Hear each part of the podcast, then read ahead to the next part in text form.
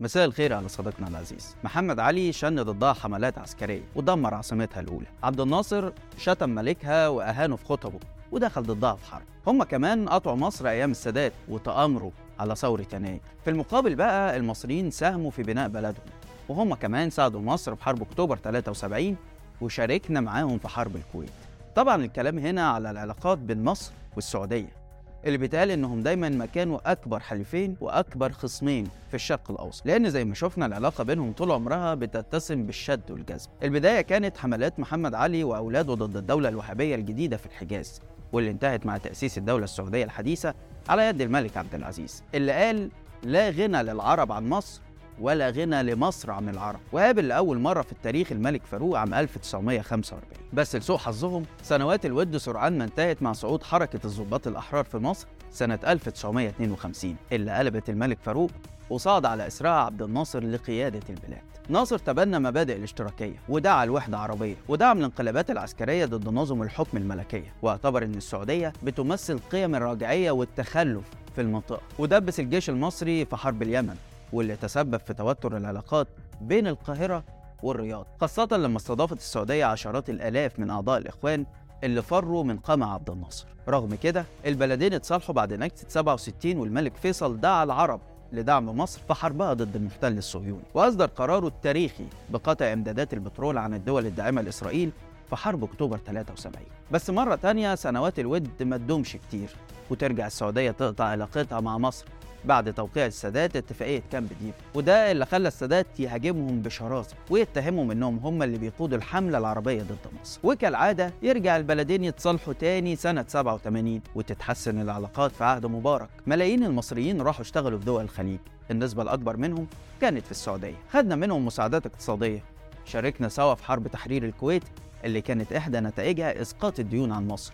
بس طول الوقت ده كانت مصر هي الشقيقة الكبرى. مع اشتعال ثورة يناير قادة السعودية خافوا من شبح التغيير وحاولوا يدعموا مبارك في أيامه الأخيرة. بس المصريين كان ليهم رأي تاني ونجحوا في خلعه من السلطة. مصالح السعودية في مصر تعرضت للتهديد بعد الثورة خاصة مع إثارة قضية حقوق العمال المصريين هناك ومشاكلهم المتكررة مع الكفيل. وبدأت تخرج مظاهرات ضد السفارة السعودية في حوادث زي أزمة المعتمرين أو حبس مواطنين مصريين وده اللي تسبب في أزمة دبلوماسية سنة 2012 وصول الإخوان للسلطة كان القشة اللي خلت السعودية تدفع بكل قوتها في دعم الثورة المضادة وده اللي اترجم في دعمهم السياسي والاقتصادي غير المحدود للسيسي اللي بقى مدين ليهم بكل حاجة تقريبا. فكانت النتيجة إنه تنزل لهم عن تيران وصنافير وفتح لهم البلد على البحري يشتروا اللي هم عايزينه من أصولها وتراجع دور مصر في عهده هو عشان تبقى في موقف ضعف قدام أشقائها الأغنياء. بس بعد شوية بقوا الأشقاء دول متضايقين من حالة الفشل اللي شايفينها وعايزين يستفيدوا من مصر أكتر. وده اللي خلانا نشوف مؤخرا هجمة سعودية على مصر الفاشلة والمديونة والمتسولة بحسب أوصاف كتاب سعوديين مقربين من ولي العهد. يا ترى إيه سبب الخلاف بين مصر والسعودية؟ ومين اللي هيدفع ثمنه في النهاية؟ ده اللي هنحاول نعرفه معاكم في حلقة النهاردة.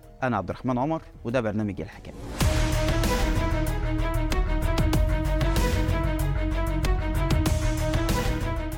ان إحنا نقدم كل الشكر والتقدير لكل من مد يده لنا الأشقاء في المملكة العربية السعودية. خلوني من فضلكم أوجه تحية خاصة لجلالة الملك عبد الله اللي قام بأقوى تحرك منذ عام 73. لولا تدخل الأشقاء العرب بعشرات المليارات من الدولارات، بقول كم؟ عشرات المليارات من الدولارات في 2013 و14 أنا بقول لكم لم تكن لمصر قائمة حتى الآن.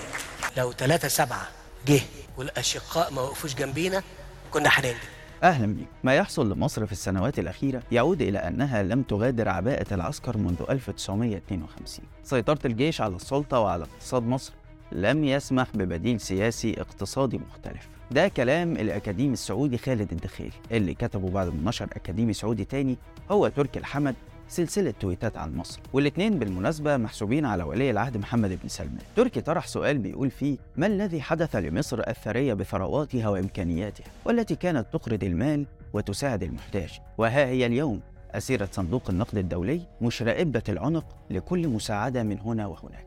بعدين بدأ يجاوب بعدة عوامل. رقم واحد حسب ما هو قال سيطرة الجيش على الدولة وخاصة الاقتصاد على حساب المؤسسات المدنية. اللي قال إنها كانت في أقوى حالاتها أيام الملكية. رقم اتنين البيروقراطية المقاومة للتغيير واللي من وجهة نظره تقف حجر عثرة في وجه أي استثمار اقتصادي ناجح رغم أن مصر عبارة عن كنز لا ينضب من الفرص الاستثمارية. رقم ثلاثة الثقافة الشعبية المستسلمة والمستكينة والمنتظرة لكل ما يأتي من الدولة بجلال قدرها وفرعونها ذو الصولجان. المالك لمفاتيح التغيير مع غياب شبه تام لحس المبادرة المجتمعية المستقلة.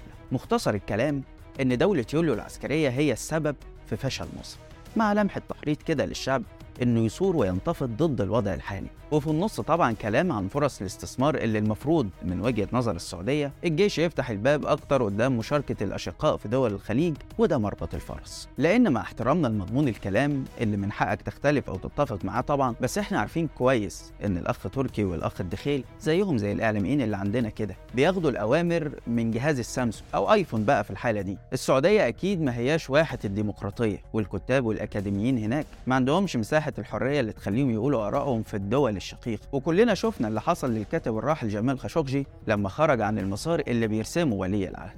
ألم يمارس علينا إرجاف شيوعي واشتراكي قومي وناصري والبعثي. أجل ألم يوصفوا أنهم متقدمين لكن الآن من يستجدي قوت يومه على أبواب وأروقة دول العالم؟ ومن يمتلك مقاليد القرار الدولي في العالم؟ نحن المملكة العربية السعودية. من هنا محللين كتير اعتبروا إن سبب الخناقة الحالية اقتصادي بالأساس ومرتبط بعملية بيع الأصول المصرية اللي شغالة بوتيرة متسارعة. والكلام عن الجيش مفهوم في الإطار ده لأنه هو اللي مستحوذ على أغلب أصول البلد وكأن الصراع الحالي هو صراع بين الجيش وبين دول الخليج. ومضمونه مين يستحوذ على إيه في مصر؟ وطبعا كلنا فاهمين إن موقف الجيش هنا مش من منطلق وطني. مش واخدين موقف ضد بيع البلد مثلا لا ده من منطلق مصالحه اللي بتتسحب منه واحدة واحدة. عشان كده تلاقي حالة رفض داخلي لبيع شركات زي صافي ووطنية رغم إعلان السيسي المتكرر طرحهم في البورصة. كمان في الناحية التانية السيساوية مش ساكتين. نشأت الدقيق طلع رد على تركي الحمد وقال له خليك في بلدك. محمد الباس شن هجوم على عمرو أديب ووصفه بأنه عميل سعودي. شغال وفقا لأجندة ومصالح الرياض في المنطقة. اللجان الإلكترونية عملت حملات ضد قنوات سعودية شغالة في مصر أهمها إم بي سي مصر واتهموها أنها شغالة على تسطيح الوعي المصري من خلال برامج تافهة بتناقش مواضيع غير مفيدة زي اللي بتعمله ياسمين عز مثلا. أنا بقول لهؤلاء زي تركي الحمد وغيره وغيره والناس دي عيب والله عيب. من أنت لكي تقرأ تاريخ مصر؟ ومن أنت لكي تؤطر وضع مصر في نظامها الملكي ولا الجمهوري ولا نظامها الاقتصادي من أنت؟ مصر باقية. عمرو عمرو آه، أديب راجل اجنده أجندة سعودية. من الآخر آه، عمرو أديب عميل سعودي. عميل. عميل إنه الراجل بيخدم المشروع السعودي المشروع بالنسبة للسعودية. أنت أجندتك أجندة سعودية. بتروج ليه المشروع السعودي عمال على بطال. حلو ووحش بتروج له. لازم ناخد بالنا كمان إن الغضب السعودي من السيسي جاي بعد لعبة عض أصابع بين الطرفين بسبب مماطلة القاهرة في تسليم جزيرتي تيران وصنافير للسعودية بحسب ما نشره موقع اكسيوس الأمريكي. الأزمة دي حصلت بعد ما طلبت السعودية من أمريكا سحب القوات متعددة الجنسيات اللي كانت موجودة في الجزيرتين. وفعلا بايدن وبعد موافقة إسرائيل أعلن إن القوات هتنسحب وتترك السيادة على الجزيرتين كاملة للسعودية بس ده مش ببلاش. المقابل هيكون تسهيلات للطيران الإسرائيلي في استخدام المجال الجوي السعودي. مع كلام حوالين تسيير رحلات مباشرة من تل أبيب لمكة والمدينة بحجة نقل الحجاج المسلمين من عرب 48 كل ده بالإضافة لتنسيق أمني بين السعودية وإسرائيل في الجزيرتين. مع السماح للقوات متعددة الجنسيات اللي موجودة في سيناء إنها تستخدم كاميرات أمنية. هتقدر من خلالها تراقب النشاط الملاحي في مضيق تيران وده بقى اللي تحفظت عليه مصر International peacekeepers, including U.S. troops, will leave Tiran Island in the Red Sea, where they've been for over 40 years since the Camp David Accords. بس التحفظ برضه ما كانش لله وللوطن لأنه بحسب موقع اكسيوس إدارة السيسي شايفة إن تيران وصنافير مجرد ورقة تقدر تحقق من خلالها مكاسب والمكاسب دي كانت بتتمثل في محاولة الضغط على أمريكا إنها تفرج عن الحصة المحجوبة من المعونة اللي مرتبطة بانتهاكات حقوق الإنسان وقيمتها 130 مليون دولار سنويا. وده بيخلي المحللين يعتقدوا إن السيسي بيستخدم ورقة الجزيرتين في صراعه الصامت مع السعودية لأنها بالطبع ورقة مهمة. الخناقة بتاعت إيران وصنافير دي بتكشف لنا إن السيسي فرط فيهم رغم كل شيء من أول الحق التاريخي والجغرافي المصري فيهم واللي الناس صوتها اتنبح وهم بيثبتوا مصريتهم. بس طبعا السيسي طلع قال محدش يتكلم في الموضوع ده تاني لغاية الغضب الشعبي والأحكام القضائية اللي كان سهل جدا إنه ياخدهم حجة قدام كفيله السعودي. لو هو مكسوف يقول له لأ. بس السيسي سلم أمر البلد للأشقاء في الخليج من بدري قوي طمعا في الفلوس. بعد ما سمعناه بيقول لعباس كامل دول عندهم فلوس زي الرز.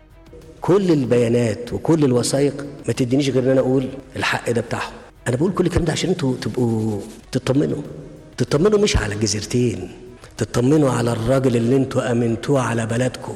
من فضلكم أرجو إن الموضوع ده أرجو الموضوع ده ما نتكلمش فيه تاني. الإهانة وتقزيم مصر بدأوا من بدري قوي لما طلع للملك عبد الله في الطيارة في مشهد مهين لمصر. ومخالف لكل الأعراف الدبلوماسية. وقتها الملك عبد الله كان راجع السعودية من زيارة خارجية فقام معدي على مصر كده في السكة. وبدل ما ينزل ويقابل المسؤولين كالعادة السيسي هو اللي طلع له الطيارة وباس راسه. وقتها السياسيين ما كانوش عارفين هو كده مين اللي زار مين بالظبط لأن الطيارة دي سعودية والأرض مصرية. أتقدم بكل الاحترام والتقدير والشكر لجلالة الملك عبد الله كبير العرب. ورجل العرب وحكيم العرب. بعدها فضل السيسي يعايرنا في كل كلمة ويقول لك من غير دعم الأشقاء كان زمان مصر وقعت وده خلى صورة البلد الكبيرة تصغر في عيون المسؤولين والمواطنين في دول الخليج. وبقى المصري هناك أكثر عرضة للإهانة ومع كل حادثة اعتداء على مواطن مصري هناك كانت وزيرة الهجرة بتاعتنا اللي المفروض تجيب حق المواطن المصري وتحفظ له كرامته كانت تطلع تدافع عن دول الخليج وتقول إن دي أخطاء فردية. وهيتم حلها بشكل ودي. بينما بقى لما ابنها أدين في قضية قتل في أمريكا لقيناها طالعة تقول إن مصر كلها بتدعي له وإنها وجدت الدعم من كل المسؤولين بما فيهم السيسي. دعم لا بيحصل عليه آلاف المعتقلين المصريين في قضايا الرأي ولا بيحصل عليه ملايين المصريين المغتربين بره مصر. وصولا بقى لأن الأشقاء في السعودية تحديدا ساقوا السيسي في خناقتهم مع قطر. ولما المشكلة اللي بينهم خلصت ساقوه تاني وخلوه يتصالح معاهم. وكلنا شفنا الإعلاميين وهم بيغيروا مواقفهم بشكل مخجل بصراحة. عمرو أديب اللي كان بيقول لك في 2022 مش هيكون في حاجة اسمها قطر طلع يدافع عن تنظيمهم كأس العالم. وقبلهم حتى السيسي اللي كان بيقول لأمير قطر تقدر أنت على مصروف مصر؟ بقى يروح يطلب منهم استثمارات ويوافق على بيع أصول البلد ليهم. في تحول ملوش أي تفسير غير إننا اتجرينا لخناقة ما كانتش بتاعتنا أصلا. تقدر انت على مصروف مصر؟ تقدر تصرف 100 مليار دولار سنويا على مصر؟ ما تقدرش. فخليك في حالك أحسن. وعشان نكون منصفين برضه فالشيء الوحيد اللي يحسب للسيسي في علاقته مع السعودية هي رفضه للمشاركة في حرب اليمن واللي وقتها حصل برضه هجوم سعودي على مصر شبه اللي حاصل دلوقتي كده. وحاولت كمان الرياض تستخدم سلاح النفط لما وقفت شركة أرامكو إمداداتها لمصر وبالتأكيد كان هناك مغريات مادية كبيرة جدا.